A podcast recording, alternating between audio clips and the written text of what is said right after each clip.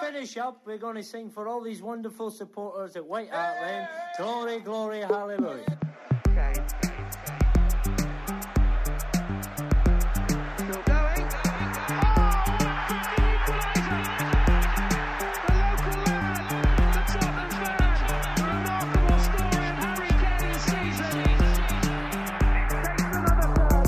Hi, this is Graham Roberts, and I'm listening to the Golden Cockerel podcast.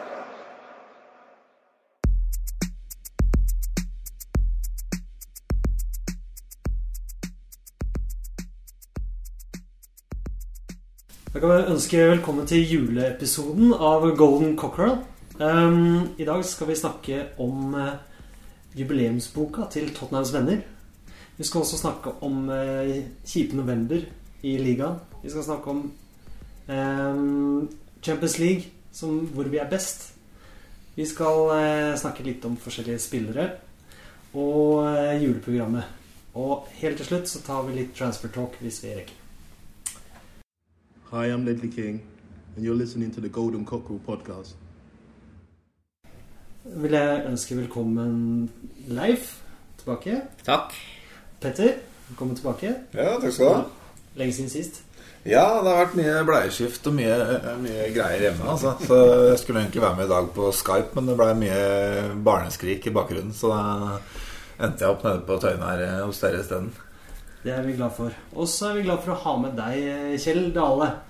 Du er forfatter av eh, boka, jubileumsboka. Stemmer det? Mhm. Og kan ikke du fortelle litt hvordan denne boka ble til? Jo, det starta med at eh, styret fant ut at eh, de ville ha jubileumsbok i forbindelse med 35-årsjubileet til Tottenhams venner. Og jeg syntes jo dette hørtes veldig spennende ut. Jeg, jeg stussa jo litt på dette med 35-årsjubileet, men det var ikke så veldig rundt. Men så tenkte vi om, og så tenkte jeg at her har vi, her har vi et styre som har eh, funnet ut at ja, vi må ha jubileumsbok. og når det blir 50 år, så sitter ikke vi i styret. Når det blir 40 år, så er det ikke sikkert vi heller sitter i styret. Vi lager jubileumsbok nå. Jeg tror det var sånn det begynte. Men så, er det litt usikkerhet rundt eh, Ble vi egentlig 30 år i år, eller ble vi 35? Så Ja. egentlig så starta det litt opp at vi hadde lyst til å lage ei jubileumsbok i forbindelse med 30-årsjubileet som vi hadde nå. Og så begynte jo Kjell å grave litt, og, og fant ut ting som Og, og ledere som ikke vi var klar over eksisterte i Tottenhams Venner fra en sped begynnelse. da. Det stemmer det, for jeg, jeg fikk jo ei, eh, jeg fikk jo ei veldig systematisk eh, fin liste fra Leif satt opp med, med navn og adresse og telefonnummer og mail og alt mulig. Og så fant jeg ut nå, nå starter jeg på toppen her med den første lederen, Tor Skardal. og Det er jo ikke så eh, vanlig navn, så jeg, jeg ringte opp eh, til han oppe i Harstad og, og spurte om eh, det nå var Tottenhams venners eh, første formann jeg snakket med. Ja, nei, det var det nok ikke. Jeg var kommet til riktig person, men eh, det var ikke han som var først. Han hadde, han hadde overtatt etter Ove Vangeli fra Jevnaker. Ja vel, sier jeg. Ja, men her står det og sånn. Ja, nei, dette eh, Sånn, sånn, sånn var det det starta. Så mm, etter å ha hatt min første av flere prater med Tore Skardal, så eh, så måtte jeg jo bare i gang med gule sider igjen, og da finne Ove Vangli, og traff en Ove Vangli oppi der, og heldigvis kunne han bekrefte dette. Ja. Så, Så han var den første? Så han var den første. Det var ikke enda en sjuende far i huset? Nei. Nei. Nei, det var det ikke. Derimot så har jeg funnet et par stykker fra Voss som prøvde å danne noe før, men de kom ikke i mål. Så eh, det Men det ble, det ble en artig prat. Men de, de, de er blitt med i boka, de òg. Men eh, første formann det var Ove Vangli fra Jevnaker. 17 år gammel. Ikke verst. Bor i ei lita bygd eh, et godt stykke utenfor eh, Jevnaker. Og eh, ja. Det var det første. Dette var da i 1982? da? Dette var i 1982. Klarte han da å eh, si hvor mange medlemmer eh, som var i 1982? Eh, Det klarte han ikke å si, men i, i faktadelen til boka så står medlemstallet helt fra begynnelsen og følger dette oppover med grafer og det hele. Så det er bare å kjøpe boka, så skal han Ja. finne oversikt der. Men det var veldig langt unna det en har kommet senere, så det, det er helt sikkert. Ja, for har, du har gjort en del faktasjekker gjennom, gjennom eh, researchen. Det har blitt en del faktasjekker og resjekker og det ene og det andre, så nå får vi bare satse på at vi har kommet i mål, og at, at alt stemmer til, til slutt. Det er sikkert noe som ikke stemmer, men det er neppe noen eh, Det, det er nok eh, kanskje ting som eh, ingen er i stand til å korrigere, for ingen husker det. Men, men jeg, jeg, kan, jeg kan bekrefte at, eh, at Kjell har gjort en vanvittig jobb i faktasjekking og i det hele tatt. Jeg har en kamerat, eh, Eirik, som er en av de tidligere lederne, som jeg har hatt litt sånt eh, melding med underveis mens han har vært i kontakt med, med Kjell. Og, og, og han forteller om en kamp mot Port Whale som han eh, Ja, altså det er mye sånt rundt dette. Men, men det viser jo at det var jo ikke Port Whale-kampen dette kunne ha vært. Fordi at da var ikke han involvert i supporterklubben lenger. Sånn at, Og da måtte han tilbake igjen til, til Eirik. liksom, og du, Er du sikker på at det var den Port Vale-kampen, at det ikke var en annen kamp eh, det var snakk om? Og da, og da måtte jo Eirik bare Jo, det stemmer jo, det. det. Det var jo den andre kampen det var snakk om her. Så altså, selv, om, eh, selv om folk eh, har fortalt eh, Kjell historier, så har han eh, gått etter det òg og, og sjekka ut om dette faktisk stemmer. Så jeg tror altså Det, det er mye gode historier som, som fins i denne boken, og korrekt historier òg. Så bra. For men selv om du starta eh, med Hva het han? Ove? Ove, ja. Ja. Så eh, er det vel ikke bare de første medlemmene som er representert i boka. Det er, hva slags mennesker er det som er med? Det er alle mulige slags eh, mennesker. Og, og hvis vi ser over tid, eh, både når det gjelder alder, utdannelse, yrke, alt mulig altså Dette er en genuin folkebevegelse.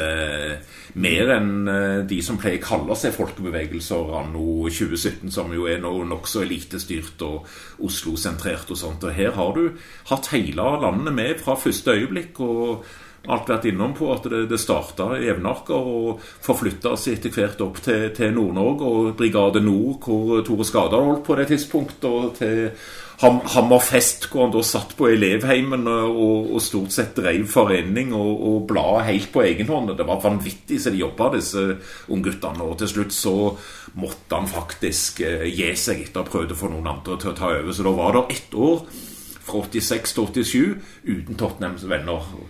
Og det, det, det fikk jo litt, eh, litt triste følger i utgangspunktet. så så neste omgang så berga det foreningen.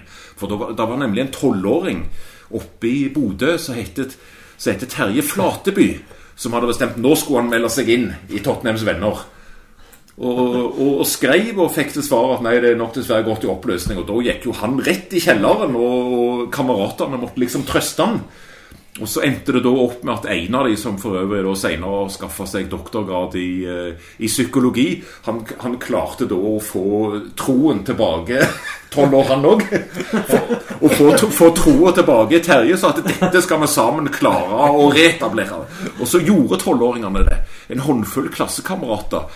De hadde stiftelsesmøte på, ba, på barneskolens bibliotek oppe i Bodø. Og, og satte i gang, ga ut blad og uh, verva medlemmer. Fikk med seg mange av de gamle som da de, hadde, de fikk tak i adresselister for Tore Skardal. Og, eh, og, og fikk med en del av de gamle medlemmene. Men eh, Nei, det, det, det, var, det var styr, det der. For de var jo veldig forsiktige. Men folk måtte ikke vite hvor, hvor unge de var. For de var redde at hvis de vet en gjeng med tolvåringer, så kommer de jo aldri til å, å, å melde seg inn. Så da de hadde drevet et år og gitt ut en del blad allerede, da hadde de et bilde av, av seg sjøl.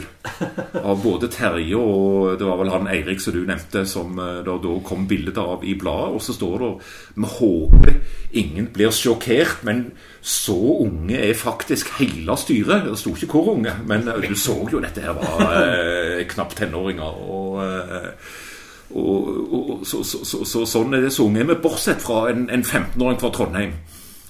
Så, Ja. så fikk jo tak i han 15-åringen fra, fra, fra Trondheim, Øystein Haugen. Og eh, En veteran, altså.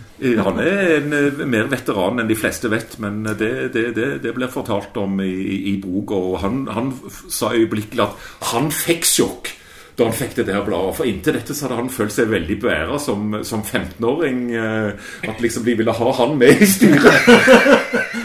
Og så forsto han at det var en gjeng med tolvåringer han hadde med å gjøre. Så det, Ja, er driftig. Eh, ja, det, det er imponerende. Og, og, og det, dette er, det er skuldrene til disse folka jeg nå har nevnt fra 80-tallet, som dagens ledelse står på. altså. Det, med unntak av det ene året så har altså dette da holdt gående uavbrutt. altså. Så eh, ja. Ja, er. Du, du, du har vel holdt med Tottenham siden tidlig 60-tall, så vidt jeg vet? Høsten 1960.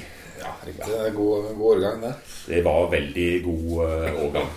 Men hadde du noe sånt Hørte du noe om Tottenham-venner på 80-tallet, eller var det liksom noe man ikke hørte noe om eller ikke fikk med seg? Eller? Nei, var det? jeg, det gikk en del år før jeg hørte om det, ja.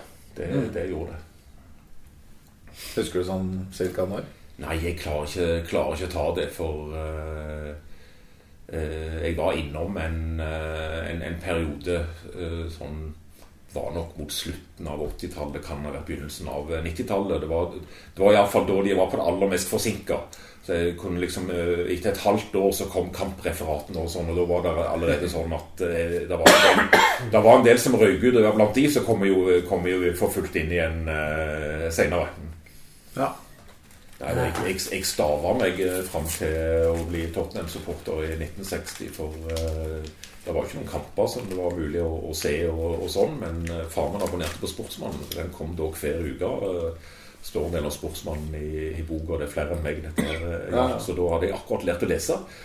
Så da, da, da var det liksom bare å slå opp og se dette fantastiske laget. Nå hadde de vunnet igjen og eh, spilt så og så godt. Og, og sånn, Ja. sånn, sånn starta det som eh, medgangssupporter, får en vel eh, si, da. Men så er jo jeg av de som da har eh, blitt igjen.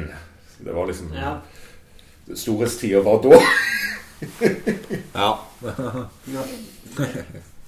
Den boka her vil jeg ha. Mm, Når og hvor er det jeg kan få tak i den? Ja, Den kan du få tak i allerede nå hvis du oppsøker tottenhamsvenner.no på TV-shop der. Så, så er boka tilgjengelig til kjøp. Og så er den òg ute nå på noen utvalgte arkbutikker. Eh, Hvis du oppholder deg i Oslo, så kan du enten gå på Egertorget eller på Storo. Er du eh, på Romerike, så kan du dra til Strømmen storsenter. Er du i Bergen, så kan du dra til Strandgaten. Eh, Eller i Trondheim på Brunhjørnet, hos arkbutikken der. Eh, Og så finnes det flere plasser i Oslo. Platekompaniet på Oslo City vil ha henne. Eh, Tanum på Oslo City har hun. Og eh, Nordli på, i Universitetsgata i Oslo har òg noen eksemplarer av boka. Så, så det er mange muligheter nå for å sikre seg denne før jul. Kjempefint.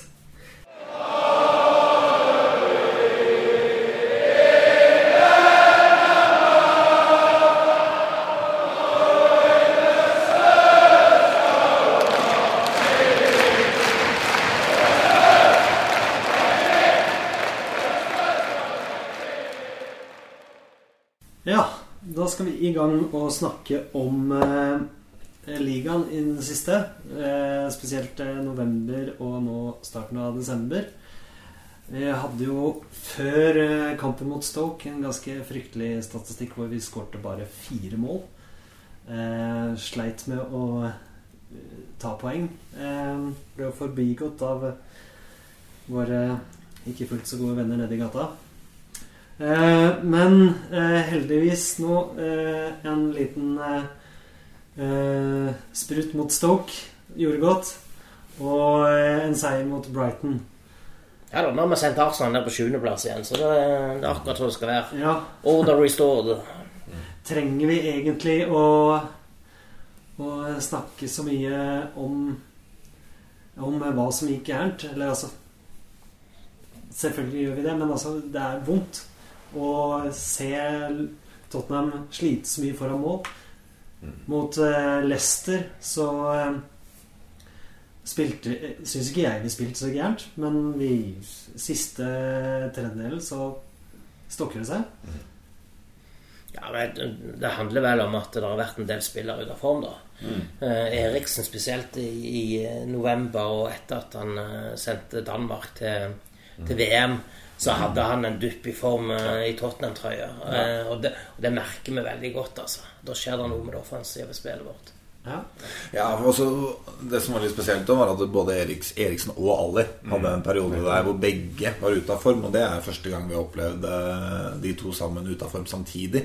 Og det er klart at da blir det vanskelig å, å skape altfor mange målsjanser eh, når de ikke kommer derfra. Eh, I tillegg så syns jeg altså vi er, vi er litt uheldige også i en del av de kampene. Vi, hvis man ser på sånn uh, expected goals, det er mange som mener at det er tull, men det er klart at man hvis man stadig vekk uh, har mer expected goals enn motstanderen, så, så vil du begynne å vinne kamper etter hvert. Ja.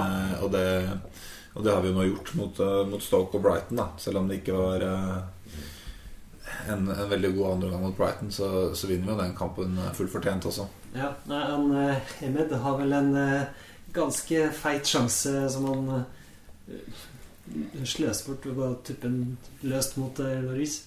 Ja. Det er helt greit at eh, han ikke fikk ordentlig treff på den. Jeg vil- Jeg vil være litt eh, mer kritisk, ikke bare til Ali og, og til Eriksen, men det har jo vært altfor mye tilbakespill i de kampene, og dessuten en effektivitet som har vært helt elendige. For det var jo ikke akkurat mangel på sjanser som gjorde at den, eh, det gikk gale mot eh, Leicester. Men en eh, mangel på effektivitet som ikke kan være bekjent av. Og så er det Positino som beordrer så mye dumme tilbakespill. her. Men vi er jo opptatt av ball possession, da. Og om det blir et par runder bak til keeper, så heller det enn å kaste vekk ballen. Jo, men en, kaster jo, ofte- en kaster jo Altså- ofte bort ballene når, eh, når en spiller bakover òg, og da, blir det mål imot isteden. Det er mye bedre å kaste den vekk framover enn å kaste den vekk bakover. Ja, det er klart eh, Når vi har ballen, så skårer ikke motstanderen. Men eh, jeg ser poenget. Det er, det er kontrakonstruktivt, hvis det er et ord. Eh, Så et annet stort problem mener jeg er jo Som mange sikkert var enig med meg, er jo at de Sissoko får så mye spilletid som han gjør. Og, absolutt. han får mye, han får mye pepper òg, og det er sikkert, mye av det er sikkert ikke fortjent heller. Men han blir litt sånn eh, syndebukk. Men, men det er klart at for et lag som ønsker å, å være med og liksom kjempe om helt der oppe, da, så, Ja. så kan ikke Sissoko få så mye spilletid som det han gjør. Det er, på, på en god dag så er han eh, relativt middelmådig likevel. Og Jeg hadde jo Han hadde vel én god kamp nå eh, Var vel det i, i Champions League, var det ikke det? Mm. Eller god, Jo, men- god for han å være. Men nå er jo Wanyama på vei tilbake igjen. Ja. Eh, Lamela er tilbake igjen. Og da, da tror jeg det begynner å bli mer begrensa plass til Sissoko. Um, så, det, så det er jo det positive. Da, Ja, det. er vel bare Aldebarell som ikke er på vei tilbake igjen med den første, skal man tro rapportene. Ja, og det er sikkert noe av grunnen også til at, uh, at vi har sluppet inn litt flere mål i det siste og hatt en, hatt en dupp i form. Uh, for det er klart at uh, så fort han er skada, og også da Sanchez ute i tre kamper, så må, må da Dyer gå ned, gå ned i forsvaret. Og da gjør det noe med den sentrale midtbanen der også, som ikke er så godt uh, Nei, Altså, den blir litt ubalansert, den midtbanen. Den trenger enten Dyer eller Wanyama. Så når Wanyama er skada og Dyer må flyttes ned, så blir det den derre sentrale midtbanen ja, det, det- det virker som vi går litt eh, lenger vekk fra den originale gameplanen enn hva, hva vi liker. Eh, Jeg så i går mot, mot Brighton, så var det jo Wings som, som spilte litt dypere. Eh, Ja. Merka jo at folk eh, på Wembley hadde vært eh, masse buing nesten, og liksom store Folk begynte å klage på Harry Wings på den måten han spilte på. Men det er klart at da hadde han en dypere rolle, og det er kanskje ikke det man, man, man forventer at han skal slå gode gjennombruddspasninger, men det er, ikke, det er kanskje ikke det som er jobben hans, i hvert fall ikke mot Brighton. Er utfordringen på Wembley nå, er jo at eh, de presumptivt dårligere lagene enn en oss, da, de legger seg veldig bakpå. Og det er vanskelig å finne noe rom inn bak mellom eh, midtbanen og, og forsvaret til motstanderne. De blir veldig dype. Ja, men eh, kanskje ikke så voldsomt som jeg opplever det nå. Og da må man kanskje ta litt altså type Winks og Sissoko, Dembele Må ta litt større sjanser i forhold til å prøve å finne disse rommene der, og da blir det litt mer feilpasninger og, og sånt. Så, så, så det, det, er, det er tungt, altså. Og jeg syns jo den utingen jeg ser når de siste kampene på Wembley, òg i forhold til uttaling av tid Og, og at en får lov å holde på sånn. West Bromwich-kampen var jo helt Ja, det var ekstrem. Eh, og der da, ifølge Eric Dyer, så har dommeren sagt at nei, han ville ikke være den dommeren som ble kjent for å, for å ta tak i uttaling av, av tid. Og det, og det var liksom argumentet fordi at eh, Ben Foster fikk gå i 82 minutter før han fikk et gult kort. Han skulle hatt det etter seks minutter. Ja. Da hadde blitt kvitt eh, trøbbelet. Altså, jeg var på Wembley da, den, eh, den kampen der du sitter bare der er så frustrert og oppgitt. Og at ikke, at ikke dommer Det enkleste ting en dommer kan gjøre, det å ta tak i sånne ting. Altså, det Gi et gult kort. Ja. Ferdig med Så det. har du løst det. Ja. Vi uh, har uh, Vi spiller inn dette her uh, torsdag før vi møter Manchester City.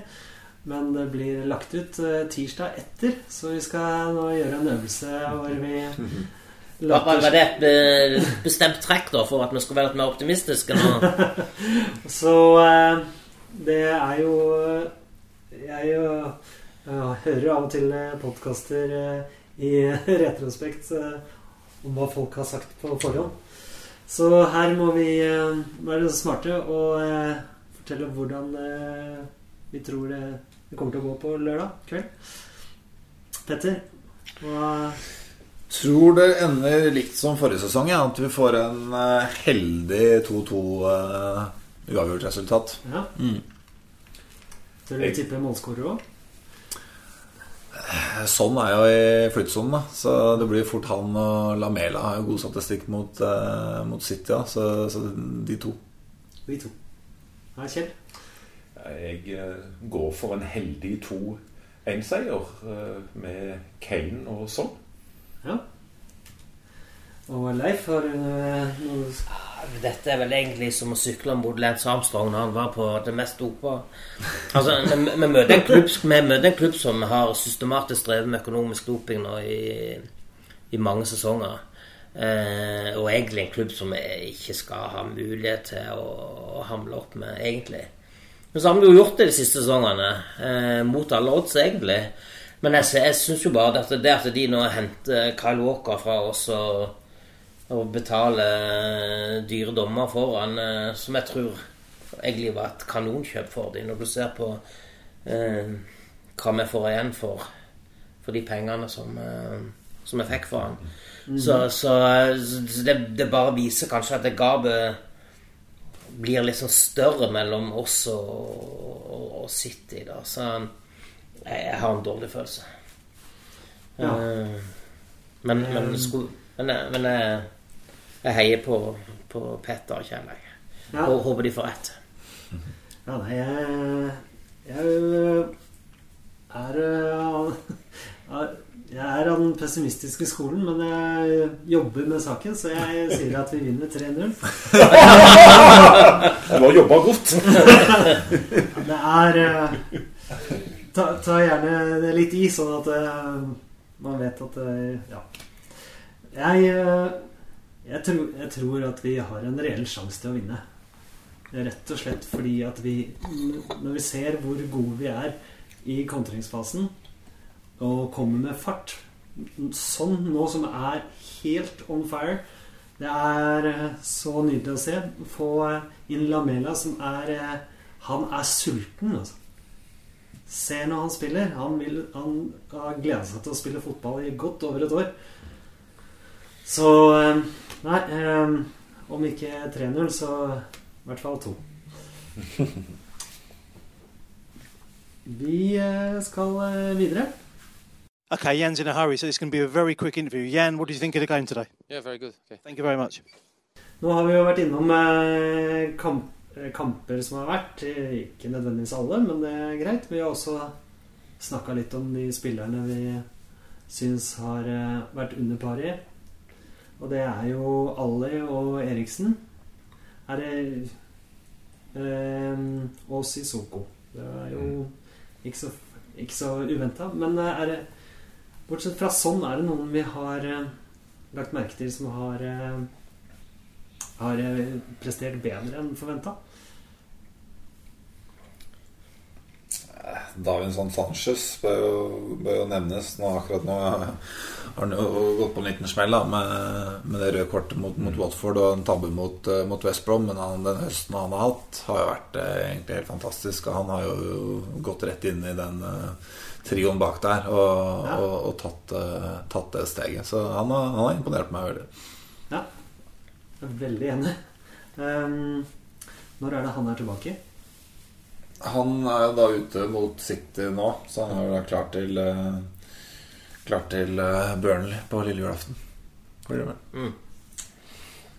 Det blir fint. Jeg tenker jo Harry Winks syns jeg har imponert eh, denne høsten. Jeg syns han har vært veldig bra. Kom tilbake etter den skaden.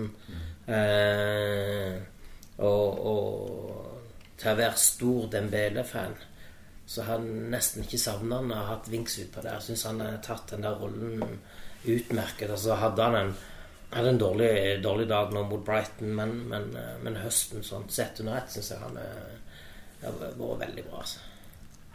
Ja. Vi slipper jo ikke inn mye mål. altså Fertongen har vært god bak der. Um, Davis hadde en veldig god Spesielt tidlig i sesongen syns jeg Ben Davis var, var veldig god. Skapte mye på venstre bekken der. Og Skåra og sto i. Trippier har av og til hatt gode kamper. Eh, Det er litt, litt ujevnt på på de bekkene våre. Det er ikke, det er ikke like Husker liksom vinteren i fjor, hvor, hvor både Rose og Walker var i kjempeform, og hvordan de terroriserte motstanderens bekker og kom inn i 16-meteren gang etter gang i, i fjor vinter. Og det var jo, da var det umulig å forsvare seg mot Tottenham. Når de var, så vi, vi savner det.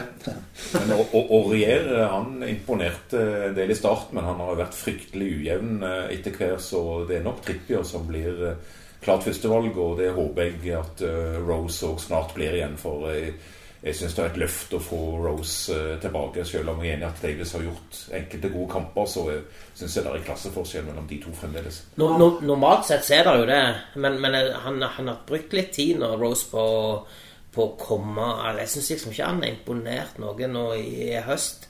Han ska, skaper uro. liksom Du, du merker for, forskjellen av og til når, når han kommer inn og det begynner å skje ting. Han prøver på ting. At det er sånne perioder hvor det liksom bare står og stanger og sender triller baller mellom hverandre uten å prøve på noe som helst. Så kommer han til Rose, plutselig begynner det å skje noe. og det, det er jo det som er The Tottenham Way, hvis vi skal begynne å eh, se litt historisk på det igjen. altså, Som, en, eh, som jeg har savna deler av denne sesongen, men som kommer igjen mot Stoke. Ja.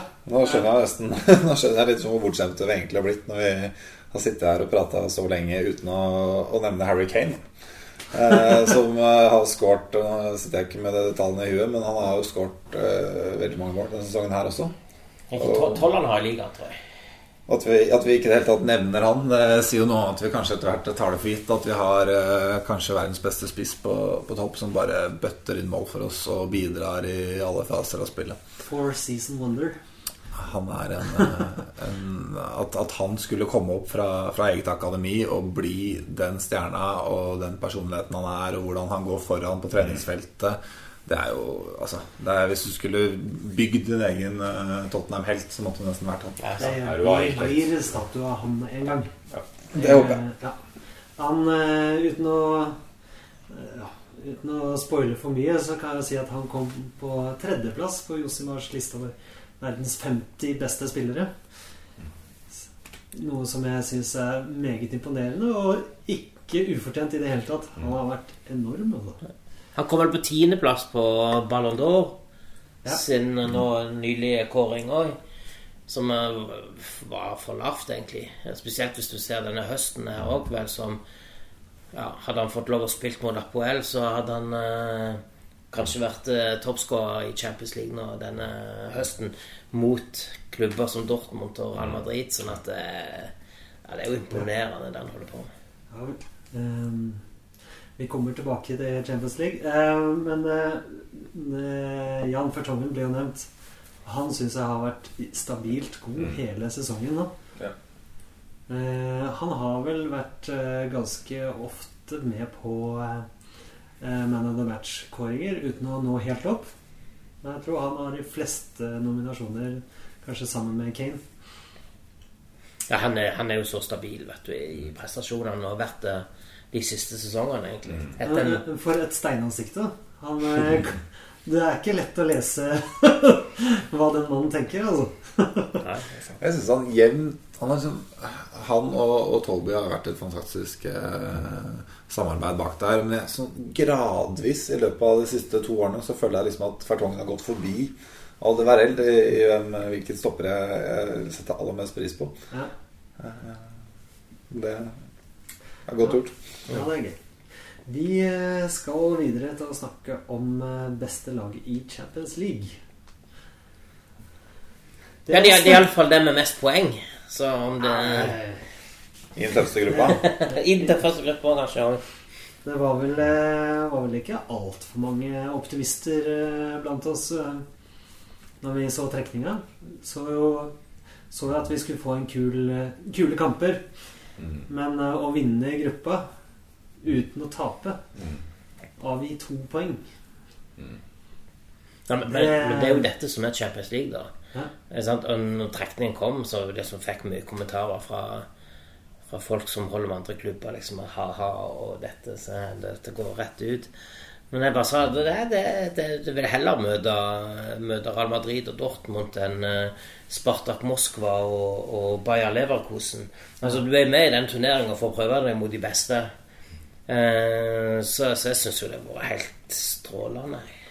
Ja, det er, det er lett å si det nå, da, Leif. Jeg, jeg føler jo at uh, den holdninga der, da hvem, At man ønsker å møte de beste lagene fordi det er Champions League, det er litt sånn som uh, AFC Wimbledon tenker når de trekker Tottenham i tredje runde av FA-cupen. Vi er jo med i Champions League fordi vi har en drøm om å vinne Champions League, har vi ikke det? Ja, men Vokser vi ikke litt på de store kampene? da? Jeg, mener høsten har vist det. I fjor så klarte vi ikke å heve oss mot Leverkosen eller mot eh, Moskva. Selv om vi vant vel begge kampene mot Moskva, men det var jo ikke noe, det var jo ikke noen sånne store happenings. Det var liksom bare eh, en sånn en, eh, siste kamp for å unngå å bli sist i gruppa. Type den siste mot Moskva, ikke sant? Så, ja. Det, det er derfor jeg er optimist foran City-kampen. Jeg tror vi får den samme effekten der òg, nå som du nå beskriver. I Championship det har han vært så middelmådig mot dårlige lag. Jeg tror han kommer til å løfte seg mot City, og det er den samme egenskapen som han har vist i Champions League. Ja, Ally eh, løfta seg jo mot, eh, spesielt mot Real Madrid. Eh, kanskje han også skrur seg på nå mot City. Um, men tilbake til Champions League og eh, de beste lagene. Vi eh, eh, trakk jo ikke noe lett motstander i eh, i. Nei, det var vel for meg som vil ha egentlig sveit i finalen alltid, så var det jo liksom Bayern München og Juventus jeg håpa å slippe i, i åttendels. Um, Det var det. Men, men samtidig så er vel Juventus også litt Altså, Det er et veldig bra lag, og de er vel kanskje små favoritter. Men, men de er vel litt på vei ned, eh, de også, med et litt aldrende forsvar osv. Så, videre. så at vi kan gå dit med med bortekamp først og returoppgjør i, i, på Wembley, ja, det, det, nei, det tror jeg, blir- jeg tror i hvert fall det blir jevnt. Ja. Og eh, jeg tror det blir mål eh, begge veier i begge kampene. Så Ja, så da møtte vi jo Juventus i rett før sesongstart. Treningskamp, vel å merke, men vi vant jo 2-0 der. Ja. Så eh, vi har liksom overtaket på dem.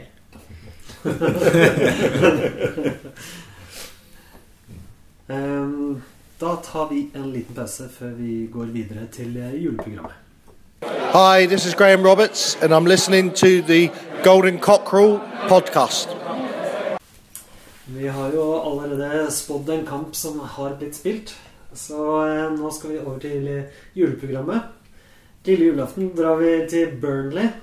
Så på andre juledag så har vi Southampton eh, hjemme. 2. januar er det borte mot Swansea før eh, eh, nyttårsaftenkampen som ble flytta eh, mot Westham, eh, er 4. januar.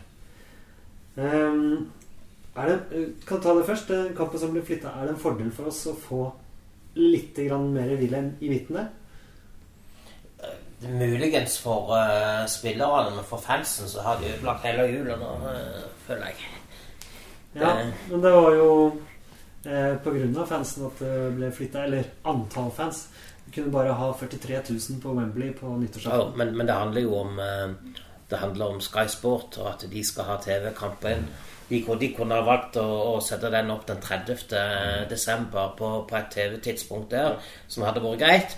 Men der ville de ha inn eh, Celtic mot Rangers istedenfor. Og da flytta de Tottenham til, til nyttårsaften til tross for advarsler både fra politi og transportmyndighetene i London. Så det, det er TV. Det, det er ikke fans, for å si det sånn. Det er TV som betyr noe her. Rent sportslig for oss så var det en, en fordel, mener jeg. fordi at eh, sånn som, sånn som det var satt opp, så hadde vi eh, to dager hvile før Swansea-kampen, men Swansea hadde tre. Så ville vi møtt et lag som hadde en ekstra dags hvile. Nå isteden så møter vi Westham på et tidspunkt hvor vi har hatt like mye hvile som de. Og så får vi selvfølgelig den eh, Så får vi den, eh, den kampen mot EFC AFC Wimbledon, som selvfølgelig da blir tøff siden vi har eh, torsdag før, men da kommer vi til å rullere lag likevel. Så jeg tror Pochettino er egentlig fornøyd med, med at eh, den kampen ble flytta. Helt til en stille stiller rent B-lag mot Wimbledon og rygger ut. Nei, det gjør vi ikke. Vi rygger ikke med det. da Nå skal jeg ikke se eh, Wickham-kampen i fjor var jo eh, Men um, Det var spennende. Det var det. Men, men hvis, hvis, du, hvis du bare ser på oss eh, norske fans i forhold til det å kunne få Altså Juleprogrammet er jo en sånn happening òg for en del eh, norske Tottenham-supportere. Og det at du da får andre juledag på tidlig kickoff for de da som har bestilt fly over på andre juledag, så, så begynner du å få dårlig tid med å komme deg på Wembley. Spesielt fordi at togtrafikken eh, fra flyplassene inn til, til byen er sterkt redusert, eller nesten ikke-eksisterende da på andre juledag. Så de, de stakkarene hadde vi sagt Det er jo ikke stakkarer, men eh, det er jo litt synd at, at eh, de som har planlagt og sett fram til, til å reise over og få med seg de rom, romjulskampene, nå ender opp med at de må stresse seg i hel for nå andre juledag, og så er det ikke sikkert de får noen mer kamper fordi at de har flytta, de andre seint. Så, sånn så fra et fansperspektiv, og iallfall et norsk fanperspektiv, så, så er jo ikke dette veldig bra, da. Men eh, for britene er det jo helt greit, tenker jeg. De er godt fornøyd med det. Sånn som det blitt. Ja. Men hvis vi skal ta kamp for kamp, da, sånn hva vi, hvordan vi ser for oss eh, Vi skal jo spille mot eh, Burnley, som ligger A-poeng med oss, eh, eh, i hvert fall eh, nå. Um, de har jo imponert eh, i hvert fall meg og mange andre denne sesongen. Det, de har vel skåra 16 mål. Allikevel så, så Ja, de slipper jo ikke inn mål. Eh, For alle som spiller Fantasy, så er det jo Burnley-forsvaret som har vært eh, den store suksessoppskriften. Ja.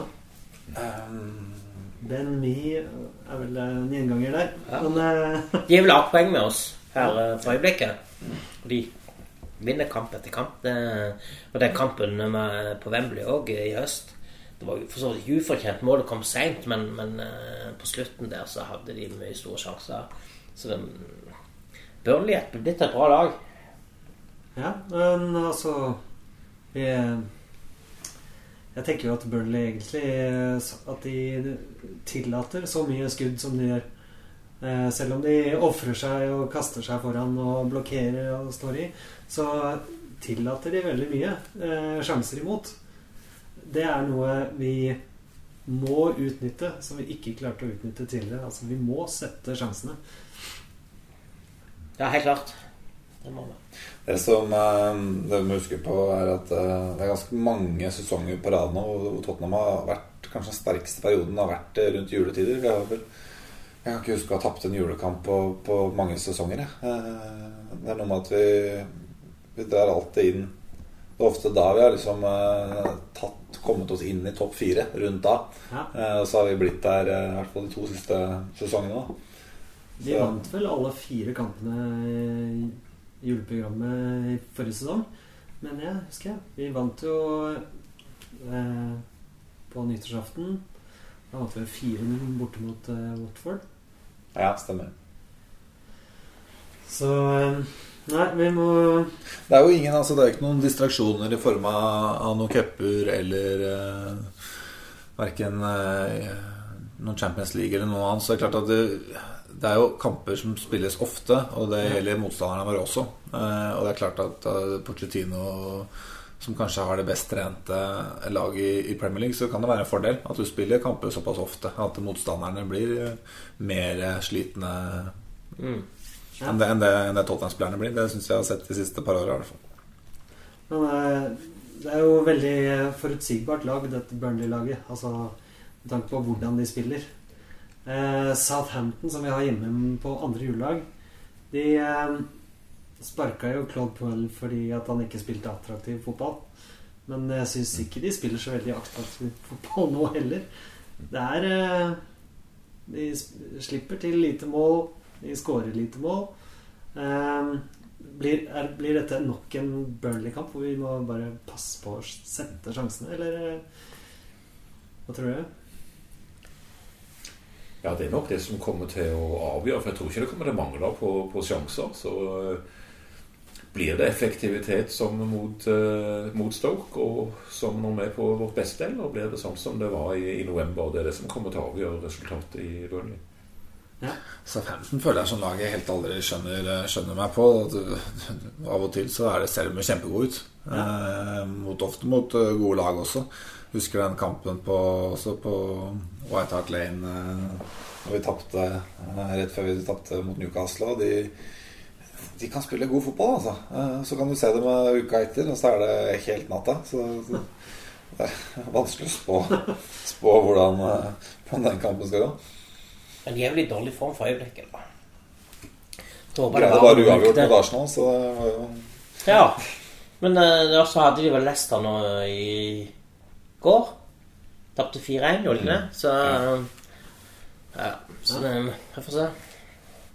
Ja, Forster er jo ikke den keeperkjempen man liksom har sett for seg at han er, men um, Ja.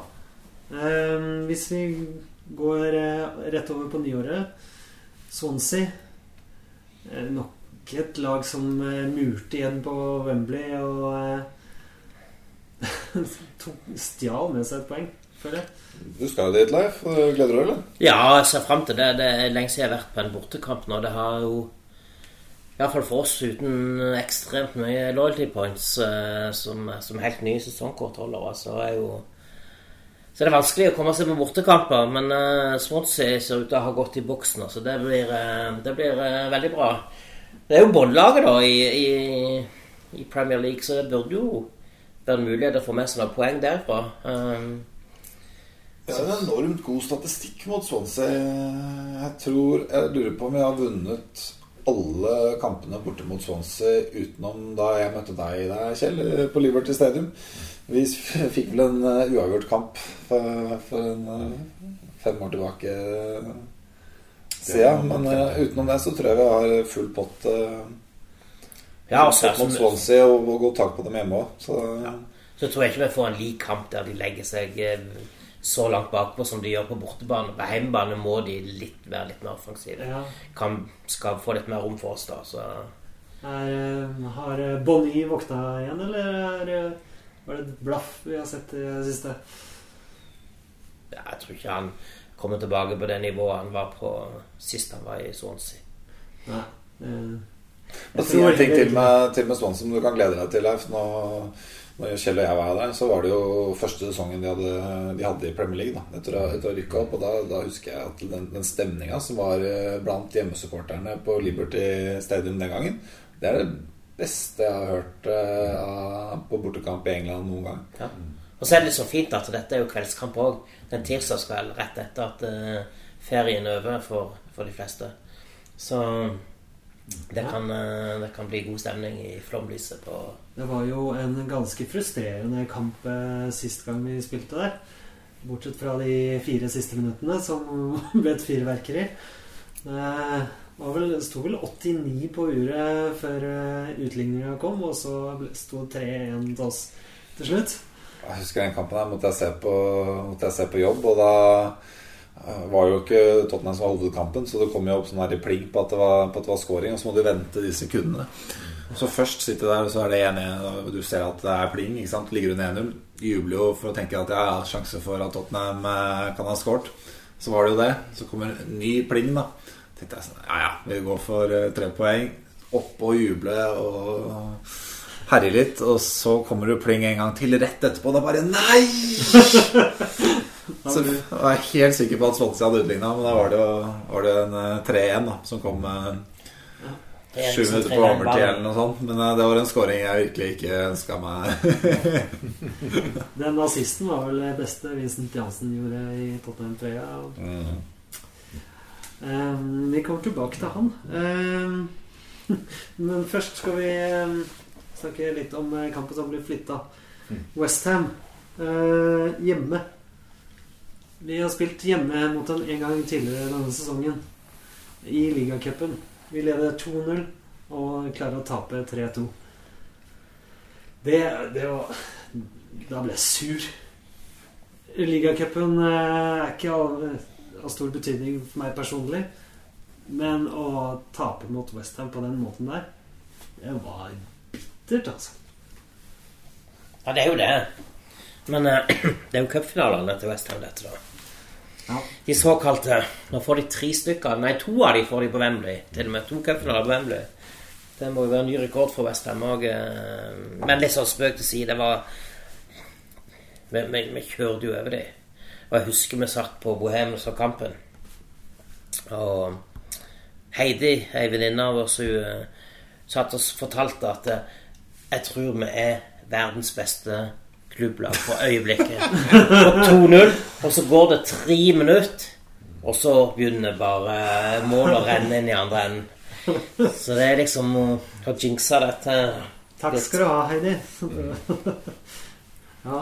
Nei, Det men, sier eh, litt den, den, den Westham-kampen. Altså, gjør det, og det er så, så unødvendig og på mange måter. Men eh, Westham, som på en måte hater Tottenham overalt på jord altså, Ikke gi dem noe å juble for sånn, da. Ikke gi dem den derre lykkerusen du får av, av å slås. måten å se på, er jo helt Men de har tydeligvis noe for disse London-klubbene nå. Tok de Chelsea Tok med Arsenal nå sist. Så Nå er det Moyes, de. Ja, de holdt jo på å gjøre det store mot City òg.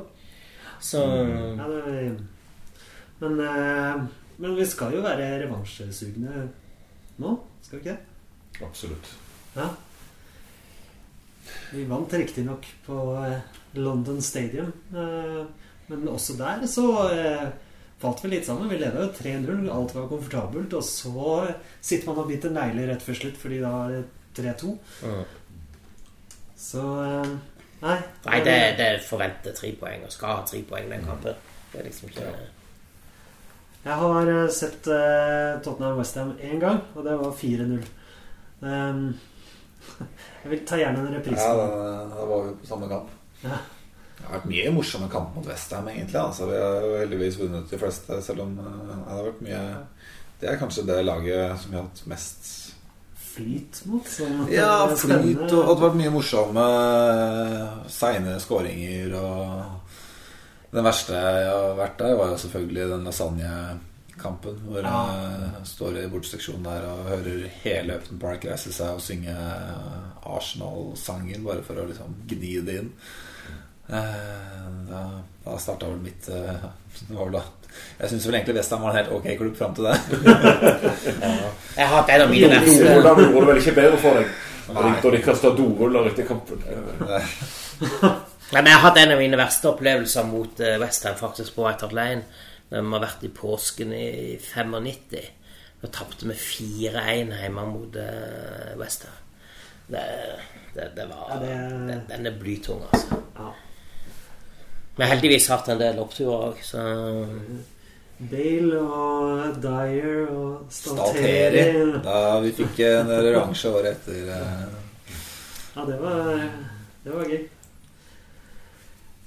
Eh, det var juleprogrammet. Eh, nå skal vi over til eh, eh, transfer business.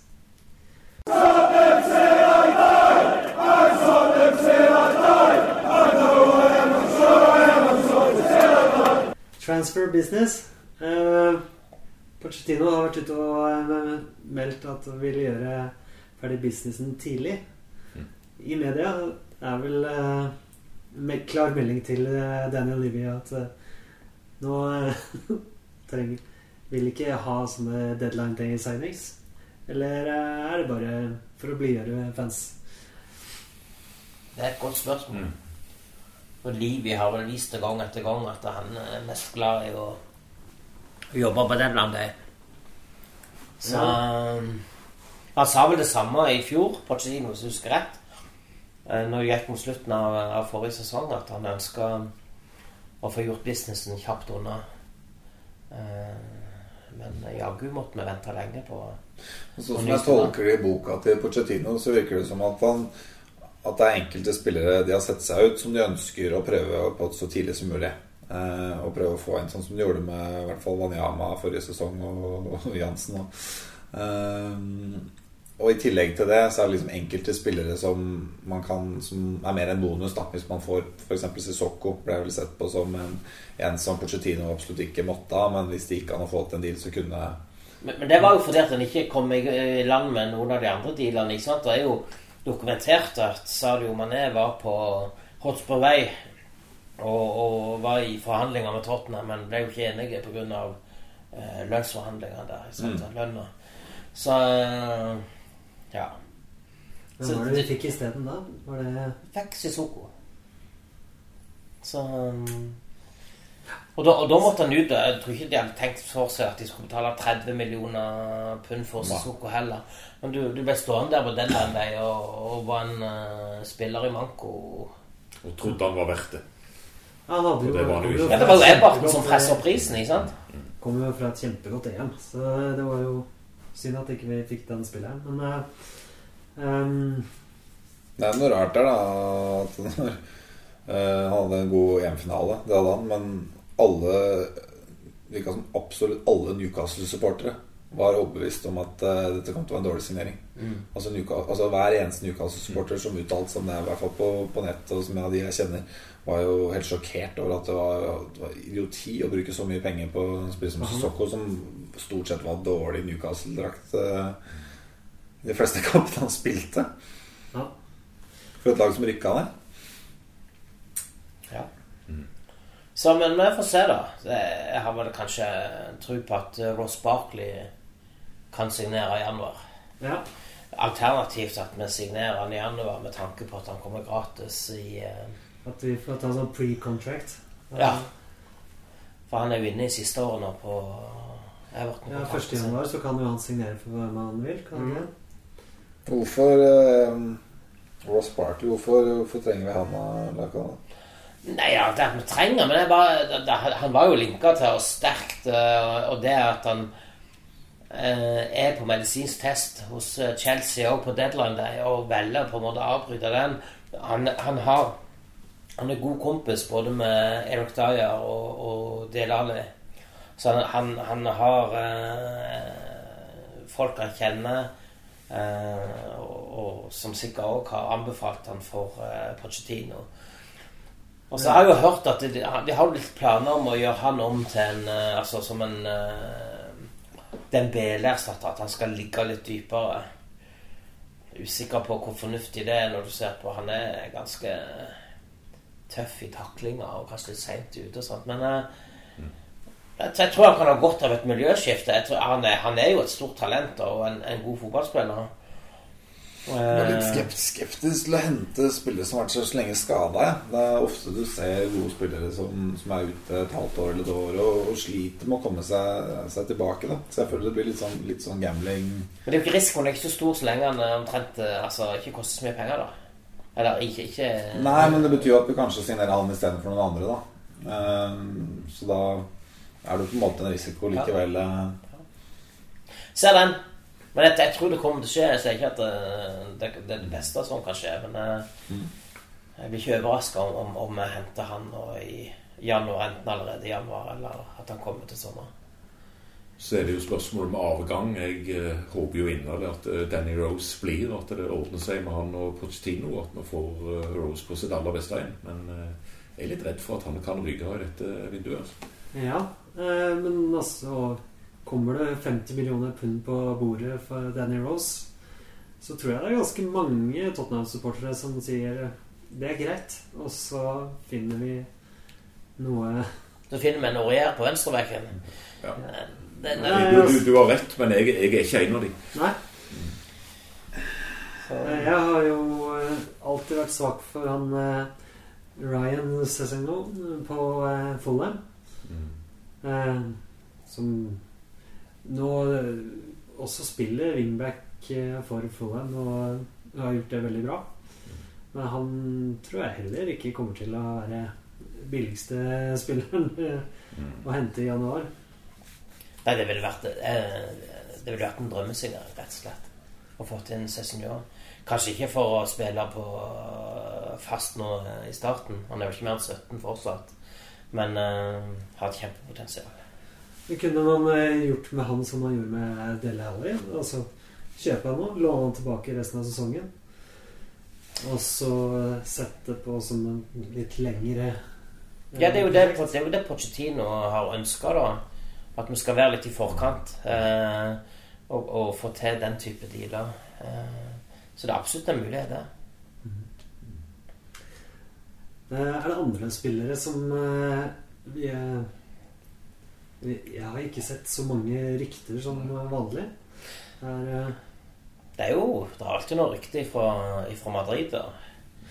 men, både den ene og andre veien, sånn sett. Men det har jo vært rykte på at eh, både Modric og Bale kan være eh, tilgjengelige i sommer. Eh, så det er spørsmålet om jeg er interessert i å hente de tilbake igjen.